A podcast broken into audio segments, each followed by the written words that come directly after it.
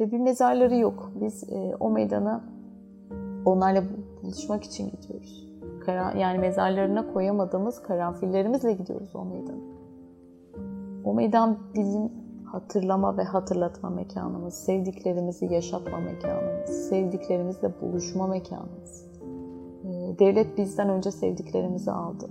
Ee, sonra onlarla buluşma mekanımızı aldı. Onları aramamızı suç saydı ve o meydanı bize yasakladı. Ee, ama Galatasaray Meydanı demek göz altında kaybedilen sevdiklerimiz demek. Meydan, kentin kalbinin attığı yer ise meydanı olmayan bir kentin kalbi çıkartılıp atılmıştır. Kent öldürülmüştür. Orası artık başka bir mekandır. Kentin çözülmesinden bahsedebiliriz. Bağımsız, objektif, kaliteli haber. Kısa Dalga Medya. Merhaba, ben Mehveş Evin. Arka planda bugün kent meydanlarının anlamını ve nasıl dönüştürüldüklerini konuşacağız. O hal ve pandemi sürecindeki yasaklarla iyice hızlanan bu süreç hepimizi yakından ilgilendiriyor. Bir kentin nabzı meydanlarında atar. Fakat turistik veya ticari faaliyetlerin ötesinde meydan, bir kentin kültürel ve tarihi sembolü, aynı zamanda hak arayışlarının da merkezi. Kent hakkı uzmanı ve araştırmacı Cihan Uzun Çarşılı Baysal meydanı şöyle tanımlıyor. Meydan antik Yunan'ın agorası ve Roma'nın forumundan bu yana bir araya gelinip devlet işlerinin tartışıldığı yerdir. Günümüzde de insan hakları ve demokrasi meydanlardan inşa edilir. Meydanlardan yansıyan hak talepleriyle protestolardan inşa edilir. Öte yandan John Friedman ile devam edersek meydanın bir yüzü protesto ise bir yüzü şenliktir diyor. Biz her ikisini aynı anda geziyle yaşadık. Şenlikle protestonun iç içe geçtiği, birinin öbürünü beslediği ve beslendiği bir süreçti. Böyle bakınca meydan bize şu veya bu şekilde kolektifin bir parçası olduğumuzu, bu dünyaya ait olduğumuzu, var olduğumuzu hissettiren, sesimizi, protestomuzu, neşemizi diğerleriyle ve elbette ötekilerimizle de paylaşabileceğimizi gösteren bir kentsel kamusal mekandır. Kamusallık hakkı yani her sınıftan, kimlikten, cinsiyet ve cinsel yönelimden, ırk, etnitis, etnisite, dil, din, mezhep vesaire tüm farklılıkların bir arada olabildiği ve hiç çekinmeden toplum içinde görünür oldukları ve toplum içinde yer alma haklarını kullanabildikleri, kolektivitenin parçası olduklarını deneyimledikleri kentsel mekandır meydan. Bu nedenlerden kolektif hafızada meydanlar çok önemli yer tutar. Son yıllarda Taksim, Galatasaray, Kızılay gibi Türkiye'nin sembolik meydanları birer birer yasaklı alanlara dönüştürüldü. 7-24 tomalarla, barikatlarla, silahlı emniyet güçleriyle çevrilen meydanlar kamusallıktan çıkarıldı, askerileşti. Peki neden ve nasıl? Siyaset bilimci Profesör Doktor Ayşen Uysal'a göre güç ilişkileri çok belirleyici. Güç kimdeyse mekanı o belirler. Bütün tarihi boyunca böyle olmuştur. Eğer toplumsal aktörler, politik aktörler, özellikle muhalefetten bahsediyorum, düşüncesini ifade etmek isteyen toplumsal kesimlerden bahsediyorum. Eğer onlar e, güçlü bir dönemden geçiyorsa o zaman daha çok seslerini duyurabilecekleri e, mekanlarda eylemler yapabilirler. Yok baskının arttığı, e, iktidarın e, o e, zorba yüzünü gösterebildiği e, bütün şiddetiyle dönemlerden geçiliyorsa o zaman iktidarın e, sözü geçer ve sizi e, e, kuş uçmaz kev, kervan geçmez alanlarda eylem yapmaya zorlayabilir. E, bu çatışma dinamiklerini de elbette beraberinde getiren e, bir mesele. Toplumsal güçlerin e, tarihi özellikle muhalefet tarihi açısından baktığımızda bazı mekanlar aynı zamanda sembolik açıdan, tarihsel açıdan önemli hale geliyor. Ee, Ankara'da yine Yüksel Caddesi'nde insan hakları anıtını düşündüğümüzde. E, bu e, tür yerlerde eylemlerin yapılmasına engel olmak aynı zamanda iktidarın hem sembollerimize müdahalesi anlamına geliyor hem de tarihimize müdahalesi anlamına geliyor. Yani hani bir bellek oluşturmaya da engel olma anlamına gelebiliyor aynı zamanda. Bir tek şunu soracağız. Yüklenmeyin, müdahale etmek istemiyoruz. Gaz kullanmak istemiyoruz. Yani bu kadar Abi bir ya şey zaten baştan gelmişik gaz kullanmaya. Çözüm yok ki biz burada. Ya, Bir dakika, sizin A planınız gaz kullanmak mı ya?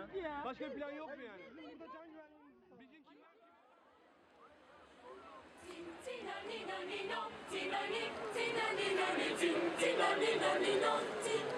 Burada can güvenliğimiz bizim kimler?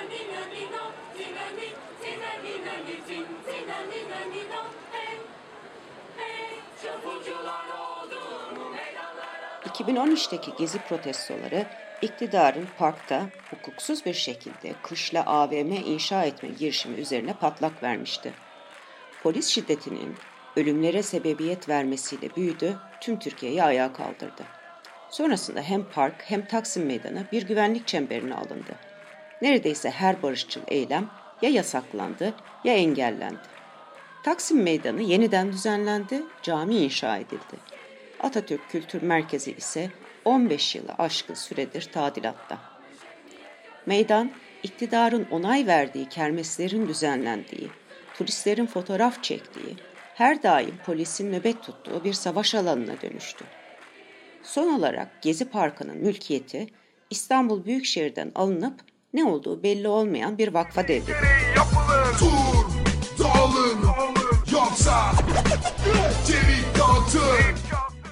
Eylemciler üzerinde belli alanları ve belli eylemleri e, kriminalize ederek onları suç e, haline getirerek bir caydırıcılık e, politikası da güdülüyor aynı zamanda. Yani o eyleme gidersen, o mekana gidersen gözaltına alınırsın, yargılanırsın, hatta cezaevinde e, aylar yıllar geçirebilirsin.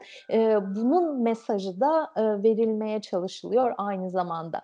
Olağanüstü hal görünümü verme, bu yolla da caydırıcı politikaları besleme iktidar açısından önemli hale geliyor. O polis yığınakları, e, onlarca e, polis gözaltı araçlarının e, alanı alanlara yığılması, yine tomaların varlığı e, şeklinde bütün bunlar e, belki müdavimleri daha az etkiliyor ama eyleme katılacak potansiyel kişilerin e, üzerinde caydırıcı etki yaratıyor. Ve bir savaş görüntüsü nasıl e, söylem düzeyinde sürekli eylemlerle savaşlar arasında bir paralellik kuruluyorsa ya da savaş terimleri militer e, e, terimler kullanılıyorsa bu görüntüde aslında onu e, katmerleştiren e, bir e, şeye hizmet ediyor e, aynı zamanda. E, bu önemli noktalardan birisi.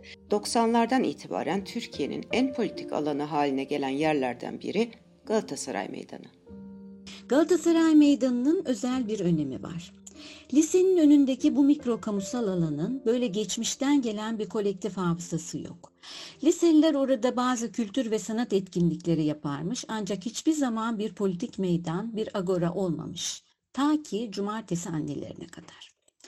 Lefebvre kent hakkının önemli bir ayağını temellük etme hakkı üzerine kurar. Kentlilerin kentsel mekanı işgal etme, temellük etme, kendi arzu ve talepleri doğrultusunda mekanı üretme ve yeniden üretme hakkı. İşte cumartesi anneleri senelerce o mikro meydanı temellük ederek orayı bir agoraya, insan hakları taleplerinin ve ihlallerinin seslendirildiği bir agoraya dönüştürmüşlerdir. Ve sadece anneler değil, onların agoraya dönüştürdüğü bu meydanda daha sonra tüm insan hakları savunucuları da hak ve özgürlük talepleri için burayı kullanır olmuşlardır. Basın açıklamaları, imza masaları, yürüyüşlerin başlangıç ya da bitiş noktası olarak Galatasaray Meydanı'nı hatırlayalım. Cumartesi anneleri mekanı kentin kolektif hafızasına bir agora olarak nakşetmişlerdir. Bu yüzden çok önemlidir. Cumartesi anneleri 1996'dan itibaren Galatasaray Meydanı'nda sessiz, slogansız oturma eylemlerini başlattı. Ellerinde çocuklarının, babalarının, kardeşlerinin fotoğraflarını tutuyorlardı. Bu insanlar gözaltına alınan, kaçırılan ve bir daha kendilerinden hiç haber alınamayan yakınlarına ne olduğunu ısrarla soruyordu. Tıpkı Arjantin'de, Junto döneminde çocuklarını kaybedenlerin Buenos Aires'teki Plaza de Mayo'da toplandığı gibi. Merhaba, ben Besna Tosun. 19 Ekim 1995 tarihinde İstanbul'da gözaltına alınarak kaybedilen Fehmi Tosun'un kızıyım. Babam kaybedildiğinde 12 yaşındaydım.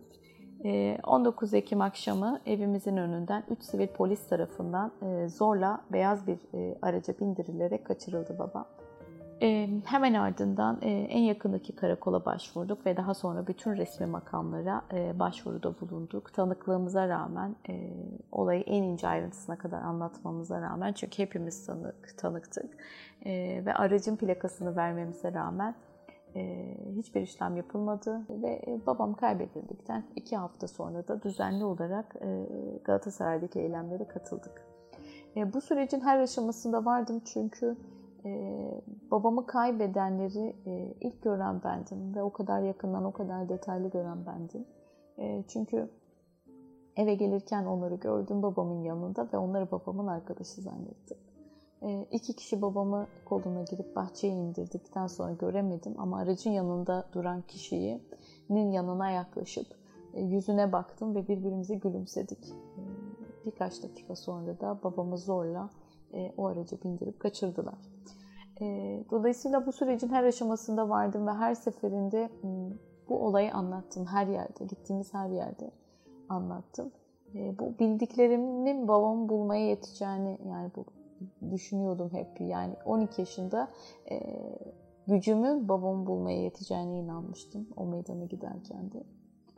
Ama bir süre sonra fark ettim ki ben yalnız değilim. Benim gibi yüzlerce insan var orada. Yani anneler var, eşler var, kardeşler var, çocuklar var.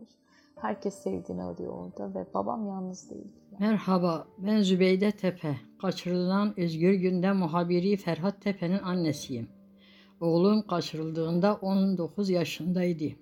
Her türlü hukuki yola başvurduk ama sonuç alamadık.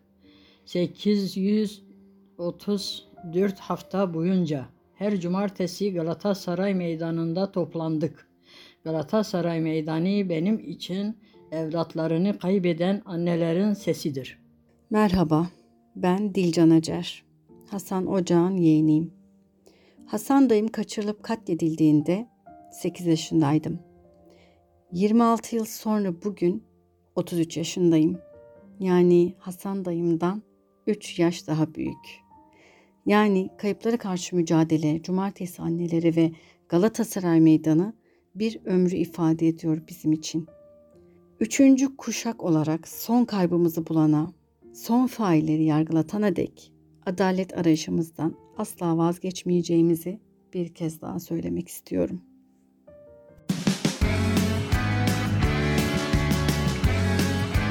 Oku, dinle, izle. Kısa Dalga. Cumartesi anneleri 1996'da artan polis şiddeti nedeniyle buluşmalarına 10 yıl ara verdi. 2009 itibariyle yine her hafta toplanmaya başladılar. 10 yıllık bir ara verildi ve 10 yıldan sonra tekrar o meydana döndüğümüzde çocuk olarak gittiğim bir meyd o meydana bir anne olarak devam ettim. Oğlumla birlikte gittim. Yani o meydanın bizim için anlamı çok büyük. Çünkü o meydanda bizim çocukluğumuzun anıları var, izleri var. O meydanda bizim gençliğimiz var. Annelerimizin çektiği acılar var. Çocuklarımızın oyuncakları var. Çünkü biz o meydanda büyüdük ve çocuklarımızı o meydanda büyütüyoruz. Sevdiklerimizle o meydanda buluşuyoruz. Çünkü bizim sevdiklerimizin bir mezarı bile yok. Yani onların öldüğünü artık biliyoruz. 26 yıl geçti, 30 yıl geçti, 40 yıl geçti. Yaşamadıklarını biliyoruz. Ama onları toprağa veremiyoruz. Çünkü bedenleri yok. Toprağa veremiyoruz, vedalaşamıyoruz, yasını tutamıyoruz. Yani sevdiğiniz birini kaybettiğinizde çok katmerli bir acı yaşarsınız ya o an. İşte bizim için zaman o acıda dondu. Çünkü sevdiklerimizle vedalaşamadık, yasımızı tutamadık. O yas süreci hiç tamamlanmadı. O yüzden o acı 20 e, yıl, 26 yıldır, 30 yıldır hep aynı yerde. Aynı, taze, hala o acı çok taze. Toplam 699 hafta boyunca olaysız, slogansız devam eden bu toplanmalar Ağustos 2018'de İçişleri Bakanlığı talimatıyla yasaklandı. Galatasaray Meydanı'nın terör örgütlerinin sözde ortak meşruiyet alanı haline getirilmesine müsaade edemeyiz. Aslında Süleyman Soylu'nun bu beyanı devletin yıllar önce kaybedilenlerin sorumluluğunu da üstlendiğinin itirafı. Bu arada Birleşmiş Milletler Türkiye Cumhuriyeti'ne cumartesi annelerine meydan neden yasak diye sordu. Dışişleri Bakanlığı'nın yanıtı acıklıydı. Turistleri rahatsız ediyorlar. Oysa bırakın turistleri rahatsız etmeyi. Toplantı ve gösteri yürüyüşü yapmak her Türkiye vatandaşının anayasal hakkı. Bu hak uluslararası sözleşmelerle güvence altına alınmış durumda. Avukat İdil Mahmutoğlu meselenin hukuki özünü ve nerede sorun yaşandığını Medyaskop yayınında şöyle özetlemişti. Yani bu kavram bizde toplantı ve gösteri yürüyüşleri kanunu olarak geçiyor. Ancak daha kapsamlı olması açısından toplanma özgürlüğünün konuşulması lazım. Bu da e, düşünceyi ifade etmenin kolektif yolu olarak özetleyebiliriz ve bir demokratik toplumun vazgeçilmez yapı taşı. Bu sebeple de örgütlenme özgürlüğü birlikte düzenlenmiş Avrupa İnsan Hakları Sözleşmesi kapsamında. E, bizde Anayasa 34'te herkes önceden izin almadan silahsız ve saldırısız bir biçimde toplantı ve gösterişi düzenleme hakkına sahiptir olarak belirlenmiş. Anayasamız Avrupa İnsan Hakları Sözleşmesi'ne oldukça uygun, tanımdan kaçınmış ancak şekil, şart ve usulleri kanunda gösterilir diyerek 2911 sayılı kanunumuza atıfta bulunmuş. Aslında bizi yakan kanunda maalesef bu çünkü düzenlemesi katı. Sadece cumartesi anneleri değil, adalet arayan işçi aileleri gibi, iş cinayetlerinde ölenler için hak arayanların, kadın ve LGBTİ gibi barışçıl gösteri ve yürüyüş taleplerine de kapatıldı Galatasaray. Peki neden şimdi? Caydırıcılık politikası aynı zamanda e, belirsizlik politikası, öngörülemezlik politikası, tutarsızlık politikası. Bu e, 1990'lardan beri Türkiye'de eylem yönetiminde çok önemli bir politika. Bugüne özgü falan değil, bugün çok derinleşmiş haliyle karşımızda ama e, yeni bir politika değil. Bu anlamda bir süreklilik var belirsizlik yani özellikle belli yine cumartesi annelerinin eylemlerinden hareketle söyleyecek olursak 1995'te başlayan eylemlerin 99'da polis şiddeti nedeniyle eylemlerine ara vermesi 2009'da tarihlerde umarım yanılmıyorumdur 2009'da eylemlerin yeniden başlaması ama 2018'de e, yeniden eylem yapmanın neredeyse imkansız hale gelmesi, o sistematik polis e, şiddeti müdahaleleri nedeniyle e, aslında e, aynı eylem, aynı e, toplumsal profil e, neden e, belli dönemlerde yapılamaz hale geliyor ya da e, diyelim ki 10 hafta boyunca polis müdahalesi olmuyor ama 11. E, haftada e, terörist ilan edip tırnak içinde e, polis e, eylemlere müdahale ediyor. E, bu aynı zaman yani birçok faktöre bağlı, birçok faktörün kesişme noktasında yer alıyor ama aynı zamanda bu genel belirsizlik, öngörülemezlik politikasının e, bir sonucu olarak karşımıza çıkıyor tesadüfi e, olabiliyor, öngörülemez olabiliyor. E, tamamen e, aslında e, keyfilikle de iç içe geçmiş e, bir e, yönetme biçimi var. Galatasaray Meydanı yasaklanmakla kalmadı. 700. haftada gözaltına alınan, darp edilen 46 kişiye gösteri ve yürüyüş kanuna muhalefetten dava açıldı. İlk duruşma 25 Mart Çarşamba günü Çağlayan Adliyesi'nde. Yıllardır zorla kaybedilen abisini arayan gazeteci Faruk Eren, suçlamanın içeriğini Banu Güven'e şöyle anlattı. Ya aslında iddianamede bir şey yok. Yani e, bomboş bir iddianame. E, isimlerimiz 46 kişinin isimleri e, yer alıyor. Ardından da e, işte top kaymakamlığın yasaklama kararı ve buna bizim muhalefet ettiğimiz söyleniyor ve işte gösteri e, ve yürüyüş yasasına muhalefetten cezalandırılmamız isteniyor. Hatta savcı e, iddiasını güçlendirmek için oraya ins, e, insanlık onuru işkenceyi yenecek e, gibi sloganları da şey yapmış. Sanki bu slogan hani kötü bir şeymiş gibi onu da yazmış. Türkiye'ye has bir başka sorun, muhalefetin büyük kısmında sokağa çıkmayı, eylem yapmayı suçmuş gibi algılaması, böyle sunması. Ayşen Uysal, muhalefetin toplantı ve gösteri hakkına yaklaşımını şöyle yorumluyor. Birincisi muhalefetin Türkiye'de iktidarın dilini ne kadar içselleştirdiğini göstermesi açısından çok önemli. Buna döneceğim.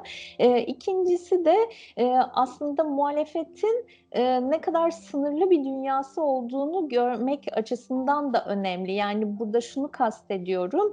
E, muhalefeti sadece parti muhalefetine indirgeyen e, ve bu anlamda da 1950'ler öncesindeki bir zihniyete sıkış sıkışmış bir muhalefetle karşı karşıyayız. Neden 1950'ler diyorum? Çünkü 1950'lerden itibaren e, siyasal katılımın e, oy vermekle sınırlı olmadığı, dolayısıyla e, siyasal partilere özgü bir alan olmadığı yönündeki düşünceler ve anlayışlar e, hızla yerleşiyor. Artık 1960'lardan 70'lerden itibaren e, protesto eylemleri de e, muhalefet etmenin, düşünceyi ifade etmenin, siyasal katılımın olağan bir biçimi haline geliyor.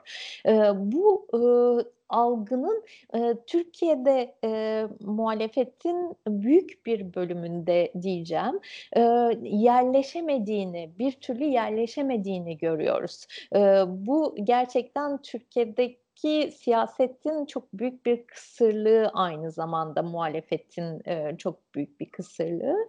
E, diğer taraftan da bununla çok yakından ilişkili olarak da iktidarın e, bütün söylemlerinin, bütün anlayışlarının e, benimsendiği anlamına geliyor. E, burada da dönem dönem e, farklı anlayışlar olsa da e, genel e, o muhalefet dili sokağı kriminalize eden, sokağı olağan görmeyen, normal bir katılım biçimi olarak görmeyen bir anlayış üzerinden e, ilerliyor. O nedenle aslında çok da bocalıyor.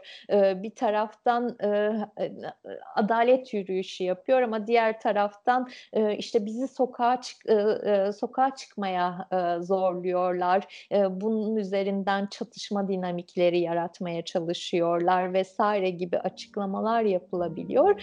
bu aslında ne kadar sokakta siyaseti olağan görmediğini muhalefetin çok açık bir biçimde bize gösteriyor gösteriyor e, ve sınırlılıklarını gösteriyor aynı zamanda.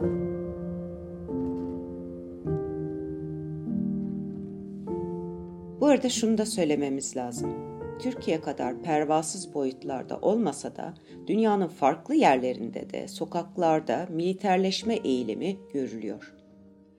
Bazı alanlar tamamen kapatılabiliyor. Bunlar tabii e, Tunus gibi ülkelerde yaşanıyor kentler, meydanlar sadece askerleştirilerek, yasaklanarak da düzenlenmiyor. Cihan Uzun Çarşılı Baysal, dünyanın her yerinde uygulanan sinsi yöntemlere dikkat çekiyor. Küreselleşmenin ve giderek artan kentleşmenin dünyaya damgalarını vurdukları çağımızda neoliberal hegemonyada tehdit altında. Kentsel mekanların denetimi ve kontrol altına alınması önemli diyorlar.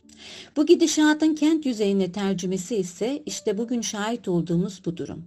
Yani askerileşen kentsel mekanlar, meydanlar ve kentte olağanüstü hal rejimi oluyor.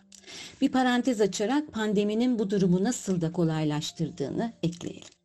Ama yöntem sadece bu değil. Sinsi yöntemler de var. Meydanların özelleştirilmesi gibi. Vatandaşlık taleplerinin tüketici taleplerine dönüştürüldüğü bir düzlem artık bir kamusal alan değil, bambaşka bir mekan. Ehlileştirilmiş mekanlarda ehlileştirilen kitleler. Cappuccino ile pasifize ediliyoruz diyor sosyolog Sharon Zuki. Burada bize özgü bir gaspın altını da çizerek bitireyim. Meydanların ve kamusal alanların dincileştirilmesi. Yani Taksim Meydanı'nı, kentin ve ülkenin en önemli agorasını, politik meydanını bir cami avlusuna çevirdiğinizde artık oradan protesto ve hak özgürlük taleplerinin yükseltilmesi çok zordur. Ötekileştirilenlerin kamusallık haklarını, kamuda görünebilme haklarını kullanabilmeleri de zorlaşır. Dolayısıyla meydan düzen, disiplin, gözetim, denetim kaldırmaz. Yeni Kapı ve Maltepe dolguları da bu nedenle meydan olamaz. İktidar gel ben sana meydan yaptım dediğimde orası meydan olamaz. Burada sözü İstanbul Büyükşehir Belediyesi'nin Taksim Meydanı projelerini de getirmek istiyorum. Meydanı park eylerseniz agorayı yok edersiniz.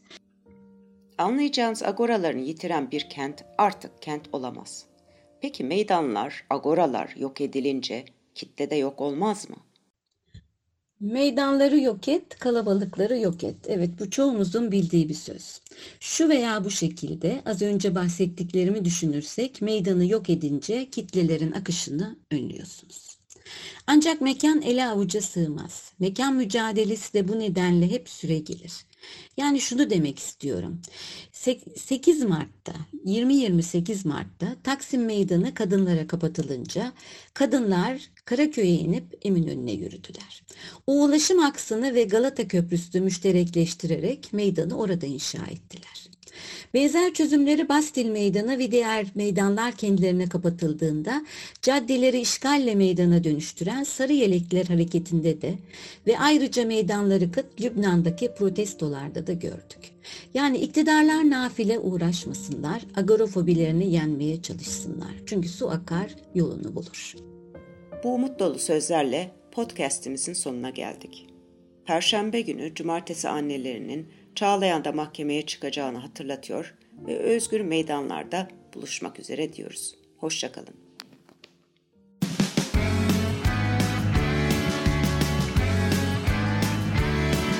Kulağınız bizde olsun. Kısa Dalga Podcast.